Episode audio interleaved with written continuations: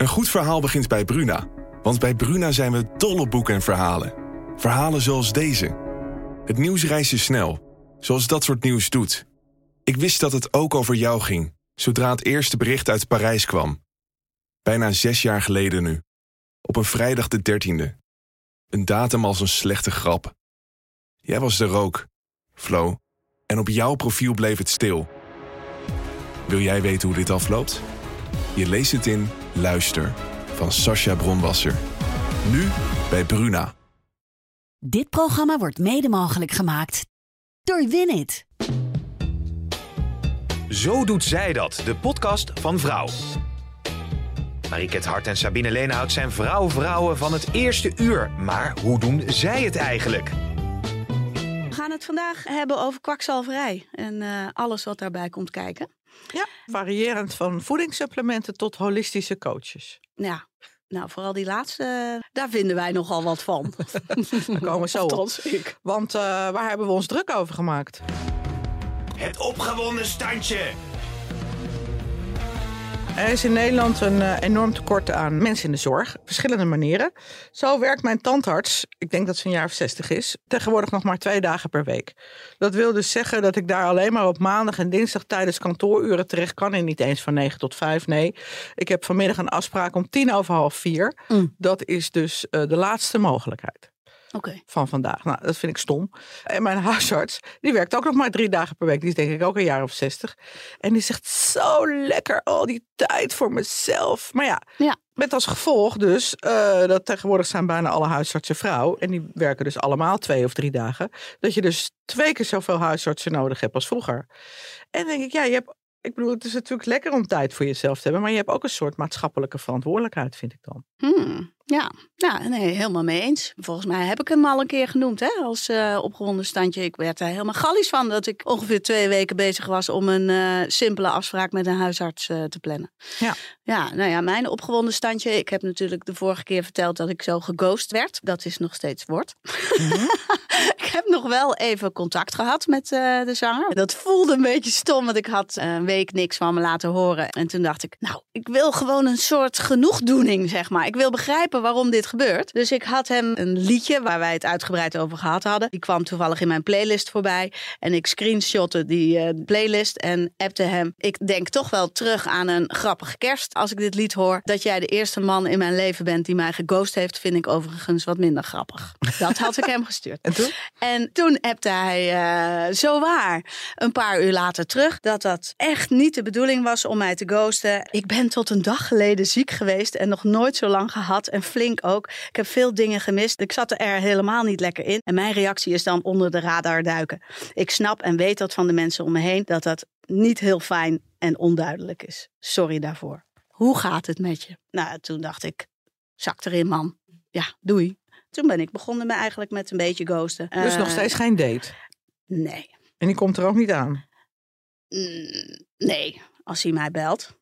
Misschien. Nou, we gaan even over eh, naar de gezondheidsgoeroes. Heb jij je wel eens laten beïnvloeden door een influencer? Nou, niet per se door influencers die ik op social media zie, omdat ik, omdat ik dat persoonlijk gewoon niet zoveel volg. Ik heb een vriend die veelvuldig van die ayahuasca-ceremonies bezoekt. Naar aanleiding van zijn enthousiaste verhalen ben ik dat ook een keer gaan doen. Maar dat had meer een onderzoeksmotief dan een, oh, ik denk dat ik hier heel erg mee geholpen ben. Motief. Wat ik met name zorgelijk vind aan influencers is dat zij soms dingen roepen. Dat je leest dat bijvoorbeeld het aantal abortussen nog nooit zo hoog is geweest.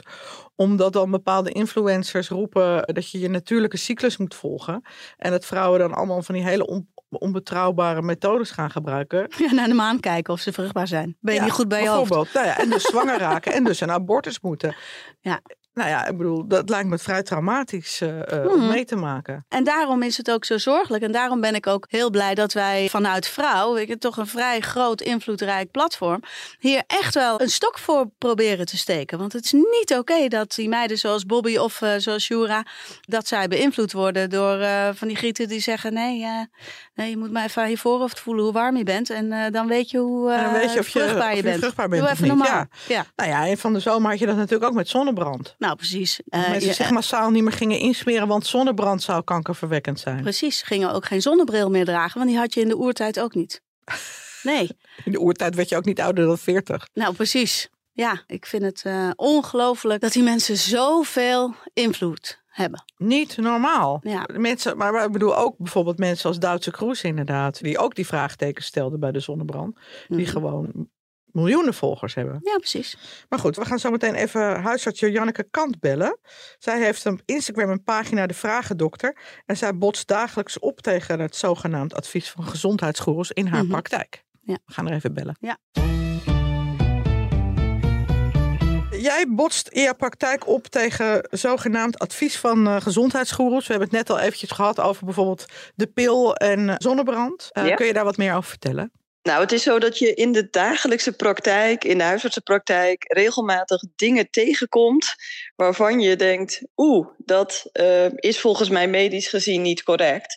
En daar kan je natuurlijk heel gefrustreerd van raken van dokter, maar ik, als dokter, maar ik dacht, ik ga daar gewoon wat aan doen. Eh, dus daarom ben ik een Instagram-account begonnen en een podcast begonnen als huisarts om nou ja, dat soort dingen eh, duidelijk te maken en ook algemene dingen over gezondheid te delen. Mhm. Kun je eens wat voorbeelden noemen? Ik wist natuurlijk dat jullie zouden bellen, dus ik heb een lijstje gemaakt van afgelopen week. eh, om te kijken van, nou, wat, is er, wat komt er nou allemaal voorbij? En ik heb wel een hele relevante, denk ik. Eh, het is deze week eh baarmoeder als kankerpreventieweek. En er is eh, bekend geworden dat, nou ja, bizar genoeg, maar 41% van de vrouwen meedoet hè, met het uitstrijkje Ja, om baarmoeder als ongelooflijk. kanker Ja. te sporen. Ja, echt als dokter, echt, nou ja, ongelooflijk. Maar ik had dus vorige week een vrouw op mijn spreekuur, die had vaginale klachten, tussentijds bloedverlies. Eh, dus eh, bloedverlies tussen je normale menstruatie in. Eh, en dat is altijd een reden om contact op te nemen met de huisarts. En zij was ouder dan, eh, dan 30, ik geloof eh, 33 of zo. Dus ik vroeg aan haar van, heb je meegedaan aan je uitstrijkje eh, op je dertigste? Want dat, dan krijg je de eerste uitnodiging. Nou, toen zei ze, ja, ik heb meegedaan. En, en eh, die uitslag was positief. Dus er was HPV-virus aangetoond. En zij had dan ook het advies gekregen om dat verder op te volgen. Eh, maar dat had ze nooit meer gedaan. Hm. Dus ik vroeg haar van, joh, maar, maar waarom heb je dat eigenlijk nooit meer gedaan? En toen zei zij, nou, ik zag op social media dat je het ook eh, weg kan manifesteren. Nee. Eh, dus toen bleef ik even stil. Eh, want ik, ja, ik schrik daarvan. Hè. Vooral omdat ze nu ook deze klachten had. Hè. We waren inmiddels al drie jaar verder. Dus eh, ze had eigenlijk het advies gekregen om twee jaar geleden weer een, een herhalen uitstrijk te maken. En het hele idee natuurlijk van het uitstrijkje is dat je vroegtijdig kanker op kan sporen. Er worden 300, me- 300 doden per jaar voorkomen hè, door, door het doen van een uitstrijkje. Mhm. Nou ja, dus ik vertel haar dan, oké, nou weet je, daar, daar schrik ik wel van. Maar wat zat daar nou achter? Ehm, eh, zij dacht, nou twee dingen. Dat ze het zelf weg kon eh, manifesteren. Nou ja, goed, daar, daar, dat denk ik niet. Maar zij dacht ook dat baarmoederhalskanker vooral erfelijk is. Wat niet zo is. Het is niet erfelijk. Eh, dus zij dacht van, joh, maar het zit helemaal niet in mijn familie. En ik zie en ik hoor op social media, ehm, ik kan het wegmanifesteren. Dus ik doe daar helemaal niks meer mee. Ja, dat soort dingen. Ja, En, hoe is het nu met haar? Nou ja, ik heb vorige week een uitstrijkje eh, gemaakt bij haar, dus ik heb de uitslag nog niet. Ik heb wel aan haar gevraagd of ik dit mocht delen met jullie. ja. Eh, en dat mocht. Dus ik weet het niet. Ja, nee, ik, ik, eh, ik, ja, ik maak me wel ongerust over die uitslag. Ja, dat begrijp ik. Ik schrik daar ook van. En op het Ja. moment dat jij tegen eh, dit soort overtuigingen aanloopt, als je dit eh, buiten je praktijk tegenkomt en je hoort mensen dit soort dingen tegen je zeggen, wat, eh, wat, wat probeer je te doen om het de andere kant op te buigen? Nou, weet je, ik ben er inmiddels wel achter ehm, dat de mensen die, die, die echt anders denken, dat, dat, dat het helemaal geen zin heeft om, om met die mensen in discussie te gaan, om die mensen te overtuigen. Ik denk dat wat ik vooral probeer is eh, de mensen die, die twijfelen of de mensen die het misschien niet zo goed weten hoe het zit, zo volledig mogelijk te informeren. Mhm. Met zowel de voor- als de nadelen. Eh, en, en door die duidelijke informatie te delen, probeer ik dan ja, iemand zelf een besluit te laten nemen. Natuurlijk is het ook wel eens zo dat ik op Instagram reageer hè, onder posts van dingen waarvan ik denk, ja, weet je, dit, dit, dit, dit is wel, gaat wel een beetje eh, de verkeerde kant op. Even een heel re- recent voorbeeld, Katja Schuurman, die heeft twee Precies. dagen geleden een, een Instagram-post gedaan over de microdosering van paddo's. Mhm. En dat het voor haar heel erg had gewerkt. En dat ze nou ja, mensen met een link naar, naar waar je dat kan bestellen. En dan als nuance zet ik dan onder zo'n zo'n bericht van... joh, maar weet wel dat ik recent eh, drie hele negatieve ervaringen van patiënten heb gezien. Mhm. Ja. Eh, dus dus ik, ik probeer dan in dat soort dingen de nuance aan te brengen. En ik moet zeggen dat zij daar heel uh, goed mee omging. Dat zie ik ook wel eens anders. Meestal word ik gelijk geblokkeerd. Dus in dit geval, zij reageerde daar heel positief op. En dan krijg je ook gewoon een hele volwassen discussie waar de voor- en de nadelen ja, goed tot uiting komen. Dan kunnen mensen dat lezen en dan kunnen ze zelf een beslissing nemen. Ja, um, dus ik, de, ik, denk dat, dat dat wel een heel mooi voorbeeld was van ja, hoe gaat het nu op social media en hoe, hoe kan je dus ook iets. Nou ja, wat misschien waar ik het niet mee eens ben, maar kan je wel met elkaar daar een discussie over voeren. Want jij hebt andere ervaringen met het gebruik van uh, microdosering paddo's? Ja, een aantal patiënten in mijn praktijk die direct zeg maar, na de microdosering, uh, ja, ik denk dat het de bad trip heet, hebben gehad. En daarna ofwel in een psychose ofwel uh, een ernstige angststoornis zijn. Uh, um, ja, hebben ontwikkeld. Mm -hmm. ja. Want die microdosering, hè, dat is het, want je zegt net van er stond een verkooplink bij bij Katja, dat kan je dus gewoon op internet bestellen? Ja, ja, blijkbaar. Ja. Oh, nou, en het wordt ook heel veel gedaan. Hè? Kijk, uh, wetenschappelijk gezien weet ik echt niet alle details. Want ik heb niet alles gelezen. Maar wat ik ervan weet, is dat er nu onderzocht wordt bij mensen die uitbehandeld zijn voor een depressie. Dat, zij, dat ze nu aan het kijken zijn of dat ze met psychodelica die mensen kunnen helpen. En die resultaten die lijken veelbelovend. Uh, en er wordt volgens mij ook al door psychiaters in ziekenhuizen wordt daar volgens mij nu ook al uh, mee behandeld. Dus dat is wat ik weet. Maar wat de mensen die het bij mij hebben gedaan, hebben dat allemaal niet onder begeleiding van een psychiater gedaan. Maar hebben dat ergens achteraf in een schuurtje, op een kleedje, um, door iemand gedaan die daar medisch inhoudelijk, ja, in ieder geval minder verstand van heeft dan een psychiater. Ik heb me ook verdiept in die materie toevallig. En uh, ook uh, documentaires gekeken, onafhankelijke documentaires, waar uh, bijvoorbeeld de relatie tussen psychische aandoeningen en het gebruik van, uh, van psilocybine of andere plantmedicijnen, zoals zij het dan noemen, aangetoond wordt dat je daar, dat je daar dingen mee kunt veranderen in iemands uh, psyche. Maar dat is inderdaad met psychiaters ernaast. Dat is, dat is nooit uh, met een of andere zelfverklaarde polder-sjamaan. Uh, die dan roept, joh, ga, ga dan microdoseren of, of neem gewoon een hele trip en je komt er beter uit. Het kan gewoon niet. Nou ja, of wat de collega vanmorgen vertelde tijdens de vergadering is dat mensen het bestellen op internet en het dan gewoon met vijf vrienden gaan zitten gebruiken. Überhaupt ja. zonder iemand erbij. Ja, ja. Nee, dat, dat gebeurt natuurlijk heel vaak. En we kunnen wel doen alsof het er niet is, omdat het uh, medisch gezien misschien niet verstandig is. Maar dat is natuurlijk ook het lastige met dit soort dingen. Als je de deur volledig dichtgooit, gaan mensen het toch wel doen. Dus ik denk dat het vooral belangrijk is dat je uitlegt wat, wat de gevaren kunnen zijn, wat de voordelen kunnen zijn, wat de nadelen kunnen zijn. Mm-hmm. Um, en dat je dan, dan zelf als mens daar een, een ja, besluit in neemt. Ik bedoel, het is natuurlijk altijd aan iemand zelf om over zijn eigen gezondheid te oordelen. Mm-hmm. Ja. Ja. Hey, en jij geeft als de vragen dokter uh, op Instagram een tegengeluid met echt medische informatie. En waar kunnen mensen nog meer betrouwbare informatie vinden? Nou, thuisarts.nl is, is een website die is gemaakt door huisartsen. Um, daar vind je gewoon um, algemene dingen over ziektes. Um, er wordt ook goed vaak uitgelegd over uh, de voor- en de nadelen van bepaalde behandelingen. Dus je hebt een aantal um, keuzetests uh, die je kan doen. Uh, wil ik niet, wel of niet de buisjes plaatsen bij mijn kind? Uh, welke anticonceptie kies ik? Nou ja, allemaal dat soort dingen. dat is ook allemaal wetenschappelijk onderbouwd. En als er geen wetenschappelijk bewijs voor is, dan zeggen ze dat ook. Of als het er nog niet is. Um, als het gaat om, om vrouwen is um, de gynaecoloog.nl is een goede website. Er wordt veel verteld over gynaecologische informatie. En nu met die baarmoeder als kankerpreventieweek uh, bmhk.nl. Dat is een nieuwe website. Ja, Bernard, Marines, Hendrik, Karel, dus baarmoederhalskanker.nl. Mm-hmm. Daar wordt, um, dat is een nieuwe website van bevolkingsonderzoek volgens mij en het RIVM samen. En die delen heel veel informatie over baarmoederhalskanker. Um, en dan kan je ook alle vragen die je hebt, hè, bijvoorbeeld, ben je, denk je van het is niet erfelijk, zoek het dan even daarop. Of het is wel erfelijk, dan, dan weet je, al dat soort vragen kan je daar stellen. Maar ook bijvoorbeeld over hoe werkt nu zo'n thuistest. Nou ja, twijfel je of dat je het uitstrijkje moet gaan doen. Nou ja, dat, dat soort dingen kan je daar allemaal vinden. Ja, super. Nou, super interessant. Dankjewel, Janneke. En uh, ik blijf yes, je volgen. Ja, ja. we blijven je zeker goed. volgen. 41 procent. Ik, ik vind het, uh, ik moet er bijna van zuchten. Ja, ik ook. Want dan denk ik, joh, waarom zou je het niet doen? Ja. Je weet dat er 300 mensen per jaar doodgaan aan baarmoederhalskanker, maar Ja, je hebt, uh, baarmoederhalskanker heeft een heleboel voorstadia. Het kan ook zijn dat je baarmoeder eruit moet. Dus dat je geen kinderen meer kan krijgen of wat dan ook.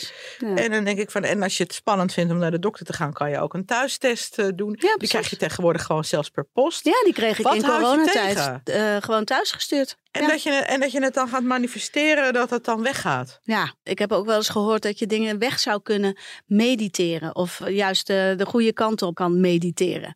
Ik heb een aantal uh, echt wel lieve vrienden. In coronatijd zijn dingen natuurlijk wat zichtbaarder geworden. Hè? Dat, uh, dat mensen heel erg uh, anti-vaccineren werden en zichzelf opwierpen als kritische denkers. Mm -hmm. Nou, met die kritische denkers, daar kun je inmiddels ook de gracht mee dempen. Want het, dat klopt niet. Die zijn alleen maar kritisch hun eigen richting op. Kijk bijvoorbeeld wat er uh, met uh, Arie Boomsma, die uh, bij Rensen zat en ze ging hebben over bijvoorbeeld voedingssupplementen. Daar ging het op een gegeven moment, daar werd hij ook over ja. ondervraagd. Dan schermt hij met een bepaalde professor die aan een bepaalde universiteit werkt. daar blijft hij mee schermen en hij blijft schermen met ja, waarom richten we onze pijlen niet op de voedingsindustrie die ons zo ongezond maakt? Want nu gaan jullie mij aan de tand voelen over, over het feit dat ik magnesium of een ander voedingssupplement mm -hmm. promoot. Maar waarom uh, richten jullie je pijlen niet ergens anders op? Dat blijft, dat is mantra ongeveer. Dat blijft hij maar mm -hmm. zeggen. En op een gegeven moment zegt hij: Oh, nou ja, jullie zullen het dan wel beter weten dan uh, uh, die, pro die professor boos. van uh, ja. Stanford of zo was het. Vervolgens zie ik dat onze volgende gast, Shama Adriaan, a.k.a. Adriaan te Braak, die, die weerlegt dit compleet. En die gaat dan even uitleggen wie die daadwerkelijke professor dan is. Dat is iemand die in een heel ander vakgebied zit, over dit onderwerp het een en ander zegt. Het klopt gewoon niet. Nee, maar dat is het verneukeratieve ook van social media. Weet je wel, dat als je eenmaal, ja, dan, heb je, dan volg je bijvoorbeeld dat soort mensen die dat soort dingen beweren. En dan krijg je nog weer een heleboel ja. andere mensen met dezelfde mening in jouw feed. Nou, en dat zie ik dus uh, aan een aantal vrienden. Ik heb het al een keer eerder over die vriendin gehad die geen uh, mammografie liet maken. Omdat zij ervan overtuigd was dat het pletten van je borsten eventuele kankercellen die er dan zouden zitten ook zouden pletten. En uh, de, op die manier je bloedbaan in zouden jekkeren. Ik heb met mijn mond open dat aangehoord. Haar proberen te overtuigen dat dit echt niet het geval is. Zij heeft een man van 130 kilo. Als die bovenop er ligt, dan plet hij er harder dan dat hele apparaat. Ik zei, dat, het klopt gewoon niet, lief. Het klopt niet wat je zegt. Ik heb haar uh, verschillende onderzoeken doorgestuurd. Nou ja, nu is, en nou, ik heb toevallig uh, recent, want dit speelde in oktober. En ik heb nou, drie weken geleden gevraagd: ben je nou al geweest? Is ze nog steeds niet geweest? Want ze moet de afspraak nog maken om een echo van haar borsten te laten maken. Want ze wil, ze wil per se niet naar die borstenbus. Ik, ja, ik ga er maar vanuit dat ze niks heeft. Dat, dat is een makkelijker leven ja. om, uh, om dat te denken. Maar kan er wel, ik zou er aan de haren naartoe ja. willen slepen. Mijn uh, overbuurvrouw is 75. Die ging naar de dokter met ernstige rugpijn. Nou, die bleek dus uitgezaaide borst, uh, borstkanker te hebben. Het zit mm. dus in de botten. Mm -hmm. Dus ik zeg, mevrouw Bos, bent u ooit naar de borstenbus geweest? Nee. Mm. Ik zeg, waarom niet? Ja, veel te pijnlijk. Maar wat gebeurt er dus nu? Nu zijn beide borsten afgezet, ben je 75 jaar. Hè? En heb je botkanker. En heb je botkanker. Hoe pijnlijk is dat? Ja. En dan denk ik, om, alleen omdat je dus dat, dat borstkankeronderzoek te pijnlijk vindt. Maar we hebben op vrouw ook wel eens een uh, discussie gehad over. Hè, ga jij regelmatig naar het borstkankeronderzoek? En dan gaan er altijd vrouwen roepen: nee, je moet thermografie doen. Dat -hmm. is, is wat dat met warmte wordt opgespoord. Maar dat is dus helemaal niet betrouwbaar. Maar en dan, dan, dan, dan plaats je een linkje erbij van nee, het is niet betrouwbaar. De borstkankervereniging zegt dit. Nou, dan worden mensen boos. Ja, ja. Ja, ja en er zijn, uh, en daar is social media debet aan, omdat het zo snel verspreidt. Omdat je maar op het moment dat ik iets zou liken van een Katja, dan, dan kan een groot gedeelte van mijn volgers ook weer zien dat ik dat like. Misschien dat ze denken, oh, die Leenhouts die schrijft voor een krant, weet je, die weet het misschien wel uh, zeker. Dan, dan krijgt het nog meer gewicht. En zo spreidt dat dergelijke informatie zich als een olievlek uit. En nou, in dat hele Katja-verhaal. Ik ben ervan overtuigd dat sommige psychische aandoeningen daadwerkelijk genezen kunnen worden door middel van andere medicijnen dan uh, beta-blokkers. Want dat is echt symptoombestrijding en uh, uh, een psychose. Een angststoornis bedoel ik. Of een angststoornis. Ja? ja? dat is toch iets wat, je, wat jouw hersenen doen, wat een, een beginpunt heeft. Wat, wat ergens vandaan komt. Mhm.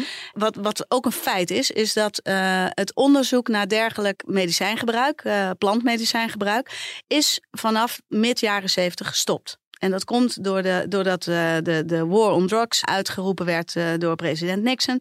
Daardoor kwamen alle drugs op een zwarte lijst te staan. En werd het dus voor alle universiteiten en uh, medische uh, uh, instellingen en, uh, en universiteitsziekenhuizen werd het verboden om hier onderzoek naar te doen. Tot 1970 was hier wel onderzoek naar gedaan. En waren ze al best wel ver met de studies dat bijvoorbeeld het gebruik van LSD, wat ook gewoon een plantmedicijn is, onder goede begeleiding dingen daadwerkelijk op kon lossen. Dat je een, een dwangneurose daadwerkelijk op kan lossen als je naar, de, naar het beginpunt terug kan ja, gaan. Maar goed, dan hoor je Jojanneke ja, nee, maar het luister, is vaak niet onder nu, begeleiding. Nee, de, nee. Kijk, Meestal en dat komt omdat het in zo'n verdomhoek zat, hè?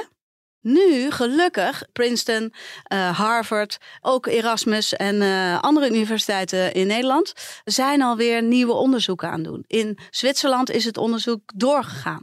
Dus er komt, er komt heus wel weer wat boven tafel en het zal wetenschappelijk gestaafd worden.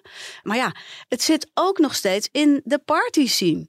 Dus mensen zijn voor de lol gaan trippen, omdat het ook heel grappig is. Ik heb voor de lol ook wel eens getript. Mhm. Dat is super grappig. Weet je, je ziet dingen die je nog nooit van je leven gezien Ja, hebt. Je ziet kleuren ik. die je nog nooit gezien Maar ja, hebt. wat Janneke vertelde, dat mensen vervolgens in een, in een psychose kunnen komen of een angststoornis eraan overhouden. Ja, niet meer precies. kunnen werken. Ja, Zij heeft het net al over drie mensen in haar praktijk die helemaal niet meer kunnen werken.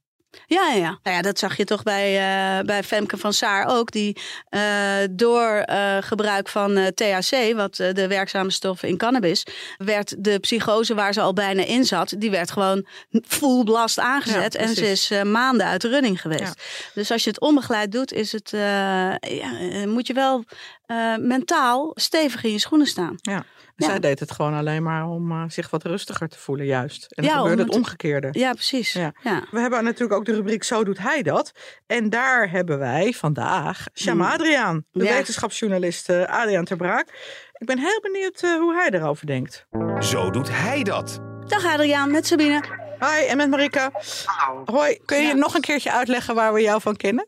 Ik hou me bezig met desinfo op social media. Specifiek vaak medische desinfo. Die wordt verspreid door bijvoorbeeld BN'ers of influencers of media zelf.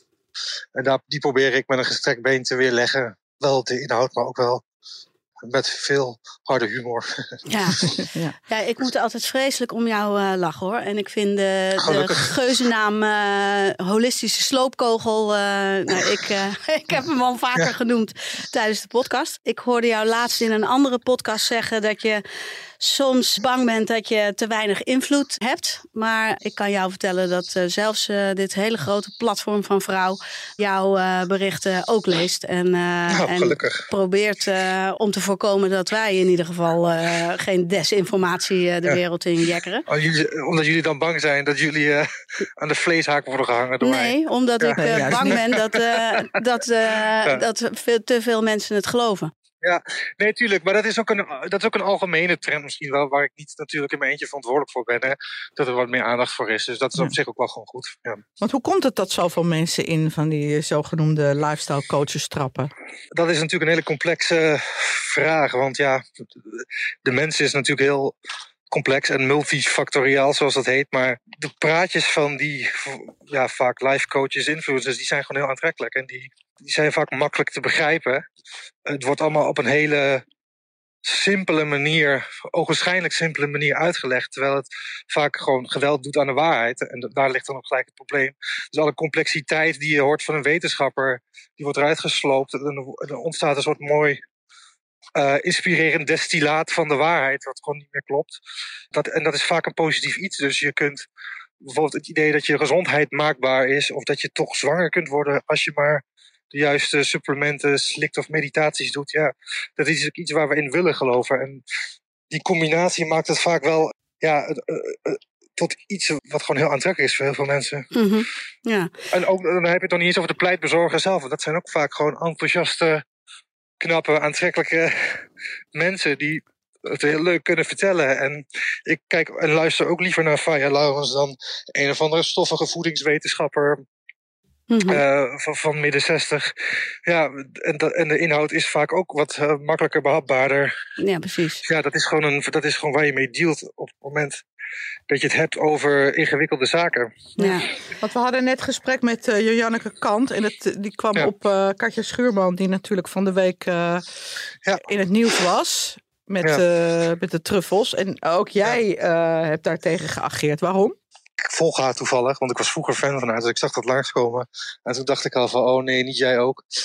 Ja, er zijn zoveel redenen om daar tegen te ageren. Uh, kijk, het, aan zich het gebruik van uh, recreatieve drugs en zo, dat is natuurlijk iets heel anders. Maar wat ze specifiek doet, is het microdosen bewieroken. En microdose is dus dat je hele kleine hoeveelheden neemt van uh, psychedelische stoffen, psilocybine volgens mij specifiek. Mm -hmm. Dus dat je in de ochtend en door de dag heen uh, scherper bent en dat soort dingen. En uh, dat kan. Ik heb het ook wel eens geprobeerd. Dat moeten ook mensen allemaal zelf weten. Maar vervolgens enerzijds gaat ze dat proberen te onderbouwen met wetenschappelijke onderzoeken die helemaal niks te maken hebben met wat zij zegt. En anderzijds heeft ze ook helemaal geen oog voor de gevaren.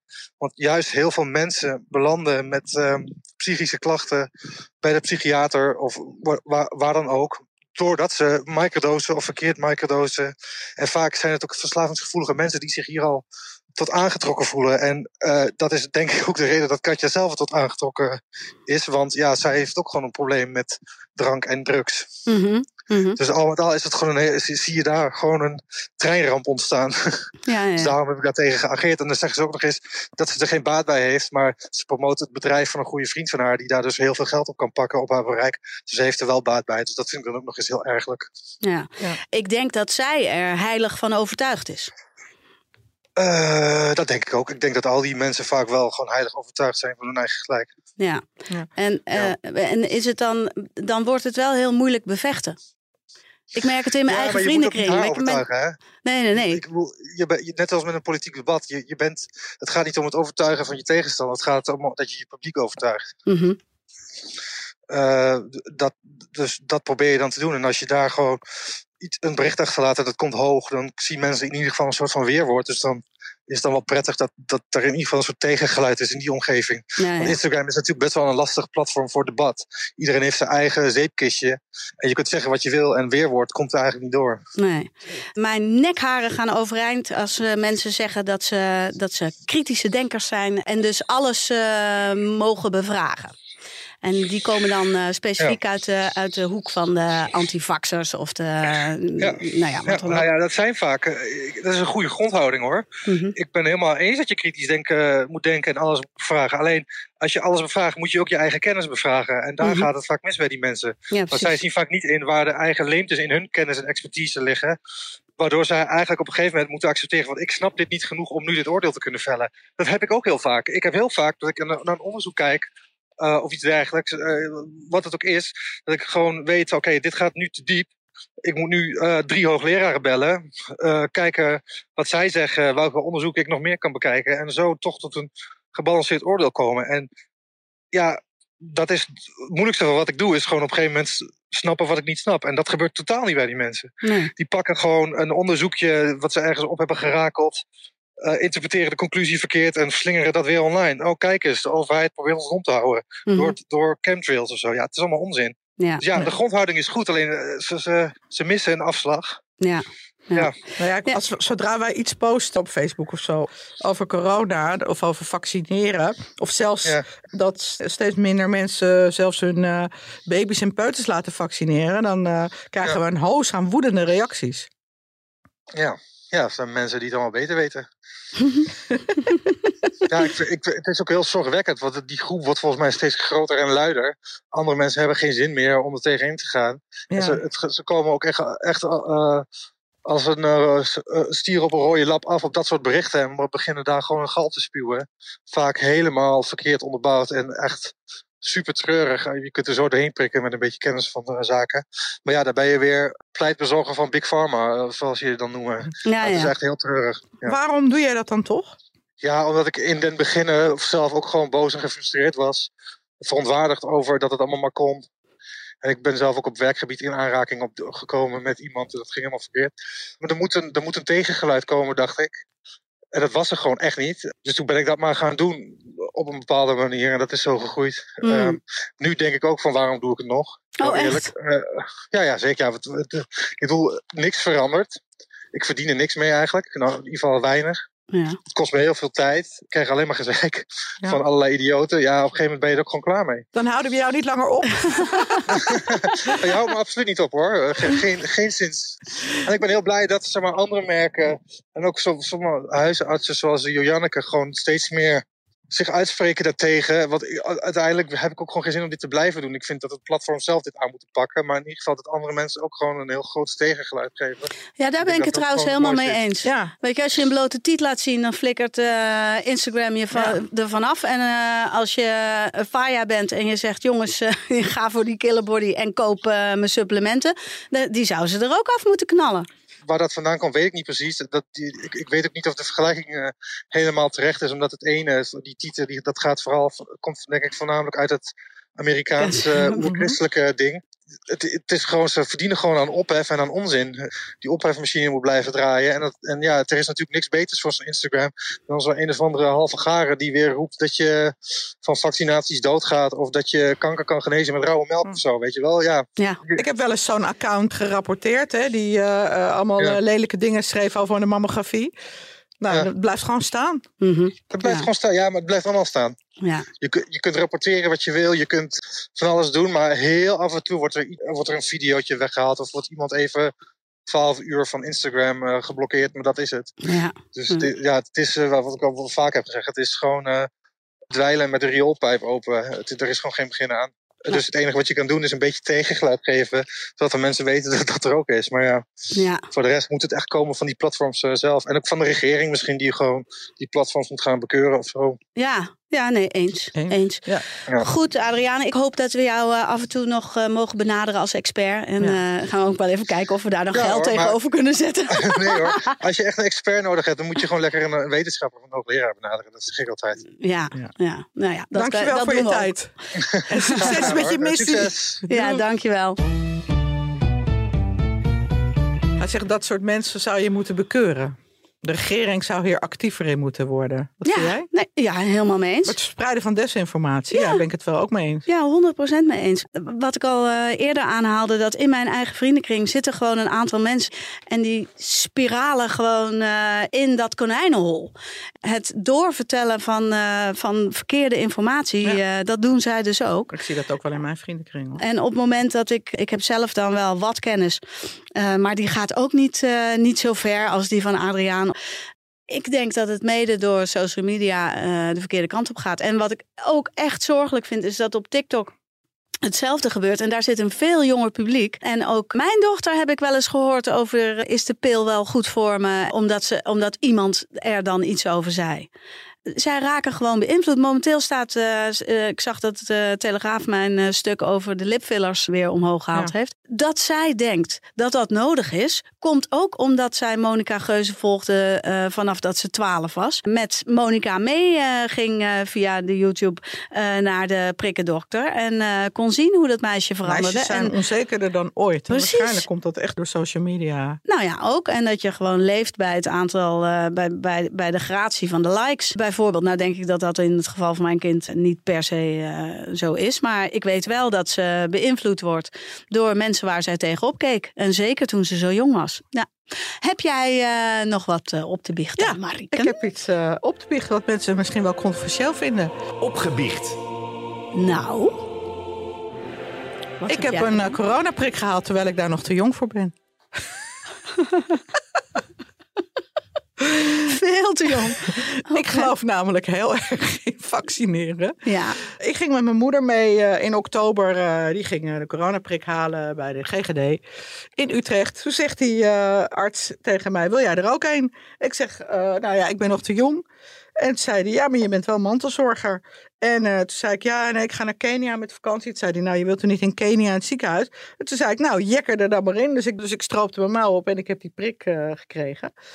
Nou, ik ben er eigenlijk wel blij mee. Maar de meeste mensen, als ik dat vertel, van, die kijken je aan alsof je gek bent. En ook mensen die zeg maar wel in aanmerking komen voor de coronaprik, omdat ze bijvoorbeeld 60 plus zijn, of omdat ze mantelzorger zijn, Mhm. of nou ja, weet ik veel, bepaalde allergieën hebben of zo. Nou, die hebben echt zoiets. Ik heb al genoeg coronaprikken gehad. Dan zeg je, nou ja, maar je moet elk jaar een nieuwe eigenlijk. Hij werkt niet zo lang. Nou, daar zou ik echt geen zin meer in hebben. Ik had vanmorgen over met iemand die. eh, we krijgen binnenkort een verhaal in vrouw over een vrouw die had pneumokokken. En die vrouw die is dus haar armen en haar benen kwijtgeraakt door pneumokokken. Je krijgt dus ook vanaf je zestigste eh een vaccinatie tegen pneumokokken.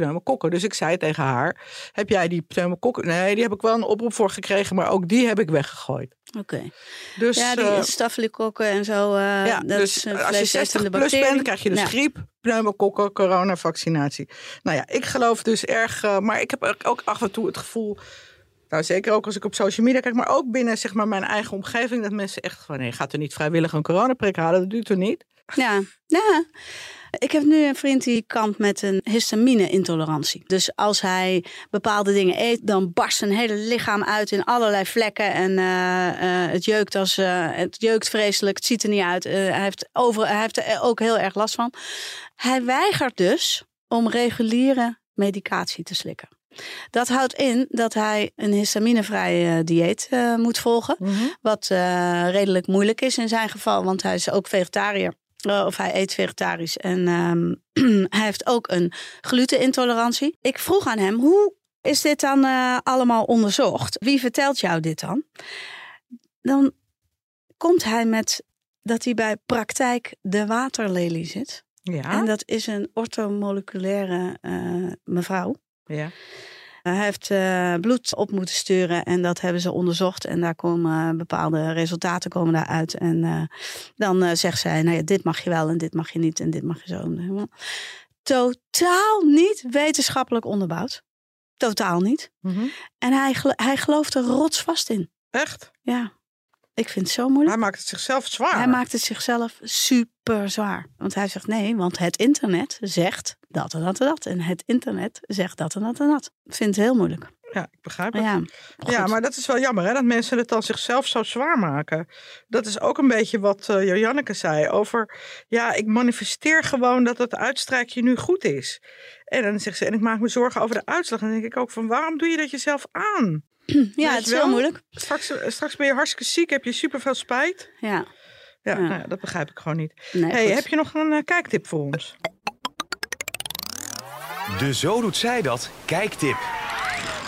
Ik had weekenddienst in de nacht en eh, in de vroege ochtend heb ik gekeken naar Ik weet wie jij bent.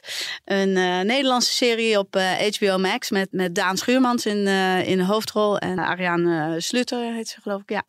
Eh, die zit daar ook in. En het is zo'n spannend verhaal over een, een advocaat die eh, in, de, in de eerste tien minuten, die mag ik dan wel vertellen, zie je Daan ehm, in zijn rol eh, van Daniel Elias heet hij, eh, bebloed over een eh, bosweg eh, lopen. Hij heeft net zijn auto tegen een boom geparkeerd en eh, eh, hij heeft geheugenverlies. En hij is een hele sluwe advocaat met geheugenverlies. Nou, de ene ontwikkeling naar de andere ontwikkeling. Het is heel spannend. Nou, Dus echt aanraden. Ga ik naar kijken. Oh, ik heb er trouwens nog één. Ja, Die past bij het onderwerp van vandaag. En dat is How to Change Your Mind. En ik had jou gevraagd eh, om er één eh, aflevering van te kijken. ja. Dat is dus een, ehm een docu-reeks. gemaakt door een eh, onderzoeksjournalist. Een wat oudere onderzoeksjournalist. Hij is 65. Die gaat dus bij allerlei verschillende soorten mensen. Bij wetenschappers, maar ook bij shamanen. En, of nou ja, die mensen noemen zichzelf geen shamaan. Maar ook bij natuurgenezers. gaat hij op onderzoek uit of plantmedicijnen je zouden kunnen genezen. Nou, het is echt super interessant. Oké. Ja. Nou, ik ben benieuwd. Ja, en die is op eh, Netflix te zien. Oké. Nou, dank voor het kijken. Tot de volgende keer. En eh, vergeet niet ons een paar eh, sterren te geven in je favoriete podcast app. En volg ons op Instagram. Je kunt ons daar ook vragen stellen. Ja, en heb je ons nieuwe logo al gezien? Ons hele mooie, zachte roze logo en de nieuwe foto's. Echt. Heel Ja. mooi. Ik ben er ook Ja. heel blij mee. Ja, ik ook. Tot de volgende keer. much.